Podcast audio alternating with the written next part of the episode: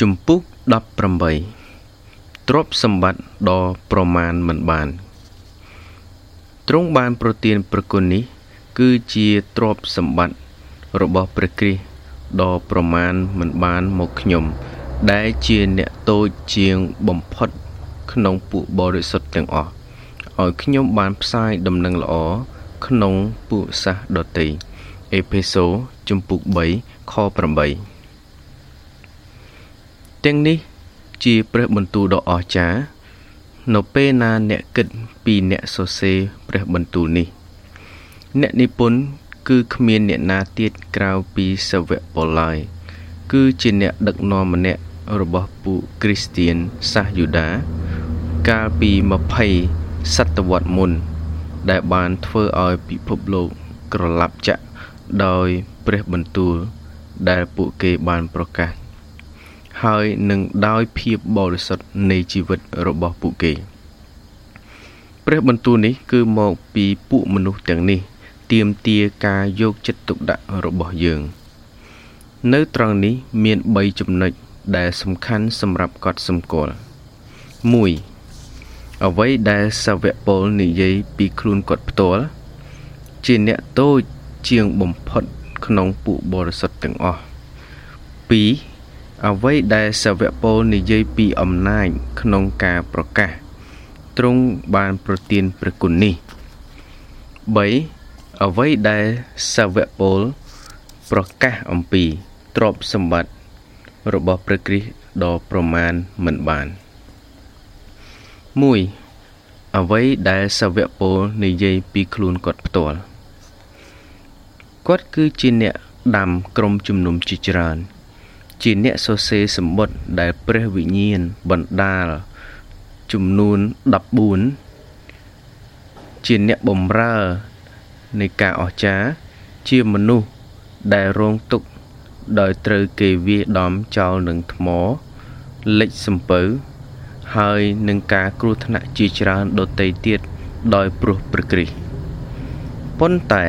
តើប៉ុលនិយាយពីខ្លួនគាត់ដែរឬទេ ខ្ញុំជាអ្នកតូចជាងបំផុតក្នុងពួកបរិសុទ្ធទាំងអស់ជាការដែលអន់មែនតែនដែលមនុស្សម្នាក់តូចទាបជាងគេបំផុតប៉ុន្តែសាវកពលគិតថាខ្លួនគាត់កាន់តែតូចជាងអ្នកនោះទៅទៀតការបន្ទាបខ្លួននេះ គឺលើសពីការគិតរបស់មនុស្សជាច្រើន ដែលហៅខ្លួនឯងថាគ្រីស្ទៀនជាអ្នកដែលគ្មានបទពិសោធន៍គ្រីស្ទៀន ពិតប្រាកដពួកគេមិនអាចយល់ពីចំនួនការភ័យខ្លាចសេចក្តីសង្ឃឹមនិងសេចក្តីសោកសង្រេងនៃគ្រីស្ទៀនពិតប្រាកដដែលមនុស្សខ្វាក់មិនអាចឲ្យតម្លៃស្នាដៃសិល្បៈហើយមនុស្សថ្លង់មិនអាចរីករាយជាមួយនឹងតន្ត្រីជាយ៉ាងណា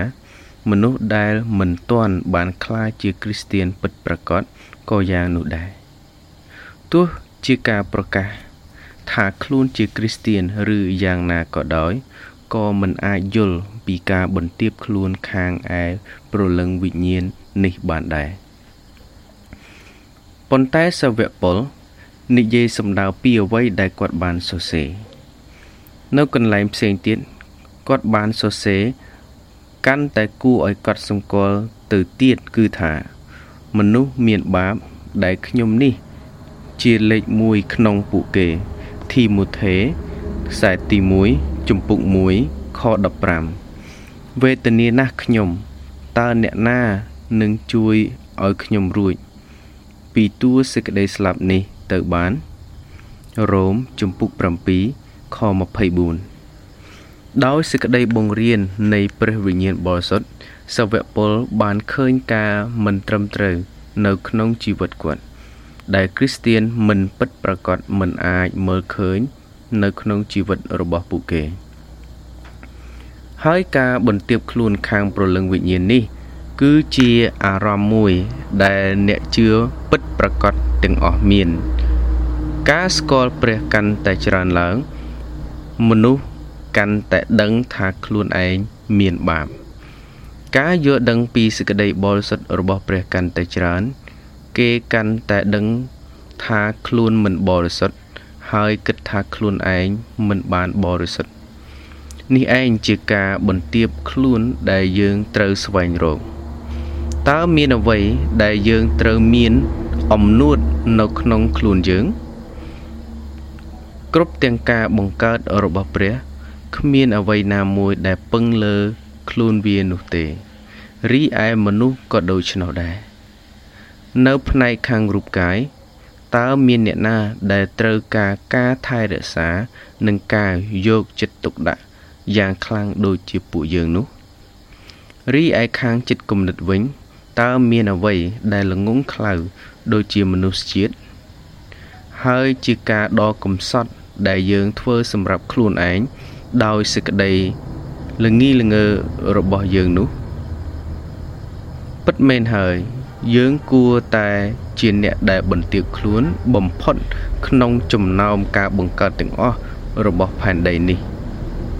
កាលណាយើងមានការបន្ទាបខ្លួនកាន់តែច្រើន យើងមានលក្ខណៈដូចព្រះគ្រីស្ទកាន់តែច្រើនត្បិតទ្រង់ទោះបើទ្រង់មានរូបអង្គជាព្រះក៏ដោយគង់តែមិនបានរាប់សេចក្តីស្មើនឹងព្រះ នោះទុកជាសេចក្តីដែលគួរកាន់ខ្ជាប់ឡើយនោះក៏បន្ទាបព្រះអង្គទ្រង់ ភីលីបជំពូក2ខ6ដល់ខ8ខ្ញុំគិតថា ស្ថានសួគ៌នឹងបង្រៀនយើងឲ្យបានពេញលេញពីរបៀបដែលយើងគួរបន្ទាបខ្លួន នៅពេលណាដែលយើងយល់កាន់តែច្បាស់ពីរបៀបដែលយើងបានទទួលសេចក្តីសង្គ្រោះ ហើយបាននាំផ្លូវពេញមួយជីវិត ហើយត្រូវបានលើកទៅក្នុងសិរីល្អនៃនគរស្ថានសួគ៌ យើងនឹងដឹងយ៉ាងពេញលេញពីការអស្ចារ្យនៃអ្វីដែលព្រះបានធ្វើដោយសេចក្តីទុនសន្តោសសម្រាប់យើងដែលជារាជដែលមានសេចក្តីជំនឿរបស់ទ្រង់ហើយនៅពេលនោះការបន្ទាបខ្លួនដែលសាវកពលបានបង្ហាញយើងនឹងហាក់ដូចជាត្រឹមត្រូវមែនតែន2អ្វីដែលសាវកពលនិយាយពីអំណាចក្នុងការប្រកាស មានផុសតាងដែលសាវកពលចាត់ទុកថាជាកិច្ចការដ៏ចម្បងរបស់ពួកសាវកគឺជាការបញ្ជូន ដំណឹងល្អនៃព្រះរាជសារដោយការប្រកាសដំណឹងល្អគាត់បានបញ្ជាក់យ៉ាងច្បាស់នៅក្នុងសំណេរនានារបស់គាត់ដូចជាទ្រង់បានតាំងខ្ញុំឲ្យធ្វើជាអ្នកប្រកាសប្រាប់ធីម៉ូថេខ្សែទី1ជំពូក2ខ7 ទ្រង់បានតាំងខ្ញុំឲ្យធ្វើជាអ្នកប្រកាសប្រាប់ដំណឹងល្អធីម៉ូថេខ្សែទី2ជំពូក1ខ11ហើយនៅក្នុងសំណេរផ្សេងទៀតគាត់និយាយថាព្រះគ្រីស្ទមិនបានចាត់ខ្ញុំឲ្យមកធ្វើបុណ្យជ្រមុជទឹកទេ គឺឲ្យមកផ្សាយដំណឹងល្អប៉ុណ្ណោះកូរិនថូសខ្សែទី1ជំពូក1ខ17 ខ្ញុំជឿថាសាវកពលបាននិយាយថាការងារដ៏ចម្បងរបស់អ្នកបម្រើព្រះគ្រីស្ទជាការធ្វើជាអ្នកប្រកាសដំណឹងល្អគ្មានកន្លែងណាមួយគាត់លើកឡើងថា អ្នកបម្រើព្រះគ្រីស្ទត្រូវធ្វើជាសង្ឃជារៀងរហូតនោះទេ ពិតមែនហើយគ្មានកន្លែងណាមួយនៅក្នុងគម្ពីរសញ្ញាថ្មីដែលនិយាយថា អ្នកបម្រើរបស់ព្រះគ្រីស្ទ ជាសង្ឃដែលបានញែកជាបរិសុទ្ធដូចជាពួករ៉ូម៉ាំងកាតូលិក ដែលតម្រូវឲ្យអ្នកបម្រើព្រះសម្រាប់ការថ្វាយយ៉ាញ់បូជានៃពិធីបុណ្យម៉ាស់នោះទេ ការទូន្មានចុងក្រោយរបស់សាវកពលចំពោះធីម៉ូថេជាអ្នកដែលគាត់បានផ្ទុកផ្ដាក់ទំនួលខុសត្រូវនៃការងារពួកជំនុំឲ្យគឺថា ចូលឲ្យផ្សាយព្រះបន្ទូលចោះធីម៉ូថេចំពុក2ខ្សែទី2ចំពុក4ខ2ក៏ចូលយើងយល់ឲ្យច្បាស់នៅក្នុងចិត្តថា អ្នកបម្រើព្រះត្រូវតែចែកចាយព្រះបន្ទូល ទៅតាមការបង្គាប់របស់ព្រះគ្រីស្ទរបស់ព្រះគម្ពីរការនេះបញ្ជាក់យ៉ាងច្បាស់ពីបទគម្ពីរដែលយើង បានធ្វើការកត់សម្គាល់រួចមកហើយគ្មានអ្នកអានសម្បត្តិដែលផ្ញើទៅកាន់លោកធីម៉ូថេនិងលោកទីតោណាបានសន្និដ្ឋានថាជាអ្វីមួយ ជាជាងការប្រកាសដំណឹងល្អគឺជាការអនុវត្តតាមបទគម្ពីរនោះទេខចូលយើងយល់ឲ្យច្បាស់នៅក្នុងចិត្តថា អ្នកបំរើព្រះគឺជាអំណោយ ទានដ៏មានប្រយោជន៍ដែលព្រះទ្រង់បានប្រទានមកយើងប្រកបដោយបញ្ញាញាណព្រះជាម្ចាស់ជាព្រះនៃសន្តាប់ធ្នាប់ដែលទ្រង់ធ្វើការដោយប្រើមធ្យោបាយមនុស្សយើងមិនមានសិទ្ធិចង់ឲ្យទ្រង់ធ្វើការដោយការភ្លាមភ្លាមនៃការអស្ចារ្យនោះទេ គ្មានផែនការណាដែលល្អជាងផែនការក្នុងការប្រកាសដំណឹងល្អពីសេចក្តីពិតរបស់ព្រះ និងការរក្សាការទៀមទារបស់ព្រះ នៅក្នុងពួកជំនុំ ជាជាងអ្នកដែលបង្កើតឲ្យមានពួកអ្នកបំរើដ៏ស្មោះត្រង់នោះឡើយកចូលយើងយល់ឲ្យច្បាស់នៅក្នុងចិត្តថា ការធ្វើជាអ្នកបម្រើព្រះម្នាក់គឺជាឯកសិទ្ធិដ៏ធំ ហើយក៏ជាទំនួលខុសត្រូវដ៏មើងម៉ាត់មួយ ជាកិត្តិយសមួយដែលមនុស្សម្នាក់ធ្វើជារាជទូតរបស់ស្ដេចចំណែកការធ្វើជារាជទូតរបស់ស្ដេចលើសអស់ទាំងស្ដេច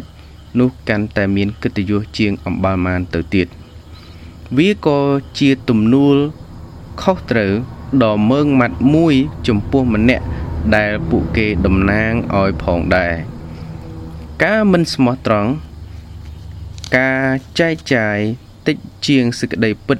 នៃព្រះរាជសារទាំងនោះជាកំហុសដែលនាំមកនៅការអាម៉ាស់ដល់ទូតនោះហេតុនោះអញក៏បានធ្វើឲ្យឯងរាល់គ្នាជាទីមើងងាយនៅចំពោះមុខជនទាំងឡាយដែរពីព្រោះឯងរាល់គ្នាមិនបានកាន់តាមអស់ទាំងផ្លូវរបស់អញនេះជាព្រះបន្ទូលដ៏ក្រៀមក្រំ ដែលព្រះត្រូវតែមានបន្ទូលមកអ្នកដឹកនាំមួយចំនួន នៅក្នុងប្រទេសអ៊ីស្រាអែលម៉ាឡាគីជំពូក2ខ9យើងត្រូវអធិដ្ឋានឲ្យអស់ពីចិត្តសម្រាប់អស់អ្នកអត្ថអធិប្បាយដំណឹងល្អដើម្បីឲ្យពួកគាត់បានស្មោះត្រង់ចំពោះព្រះបន្ទូលព្រះ ហើយជាងញឹកញាប់យើងគួរតែអង្វរដល់ព្រះ សូមឲ្យទ្រង់បានតាំងឲ្យមានអ្នកដឹកនាំស្មោះត្រង់កាន់តែច្រើនថែមទៀត3អ្វីដែលសវៈពលប្រកាស ដែលសវៈពលប្រកាសអំពីព្រះគិគឺមិនមែនជារឿងគួរឲ្យភ្ញាក់ផ្អើលនោះទេត្បិតជាប្រក្រិសនៅក្នុងគ្រប់ទាំងសេរីល្អរបស់ទ្រង់ដែលគាត់បានជួបនៅតាមផ្លូវទៅកាន់ក្រុងដាម៉ាស់ កិច្ចការជំពូក9ខ3ខ4បន្ទាប់ពីនឹងមកសាវកពលមិនដែលខ្ជិះខ្ជាយពេលវេលានិយាយពីអ្វីផ្សេងទៀតទេប៉ុន្តែវាមានន័យយ៉ាងដូចម្ដេចនៅពេលដែលគាត់បាននិយាយអំពីទ្រព្យសម្បត្តិដ៏ប្រមាណមិនបាននៃព្រះគ្រីស្ទនោះក៏ មានទ្រព្យសម្បត្តិដ៏ប្រមាណមិនបាន នៅក្នុងអង្គបុគ្គលរបស់ព្រះគ្រីស្ទត្បិតទ្រង់ជាព្រះផង និងជាមនុស្សផង ពិតមែនហើយ នេះជាអាចកំបាំងដ៏ធំ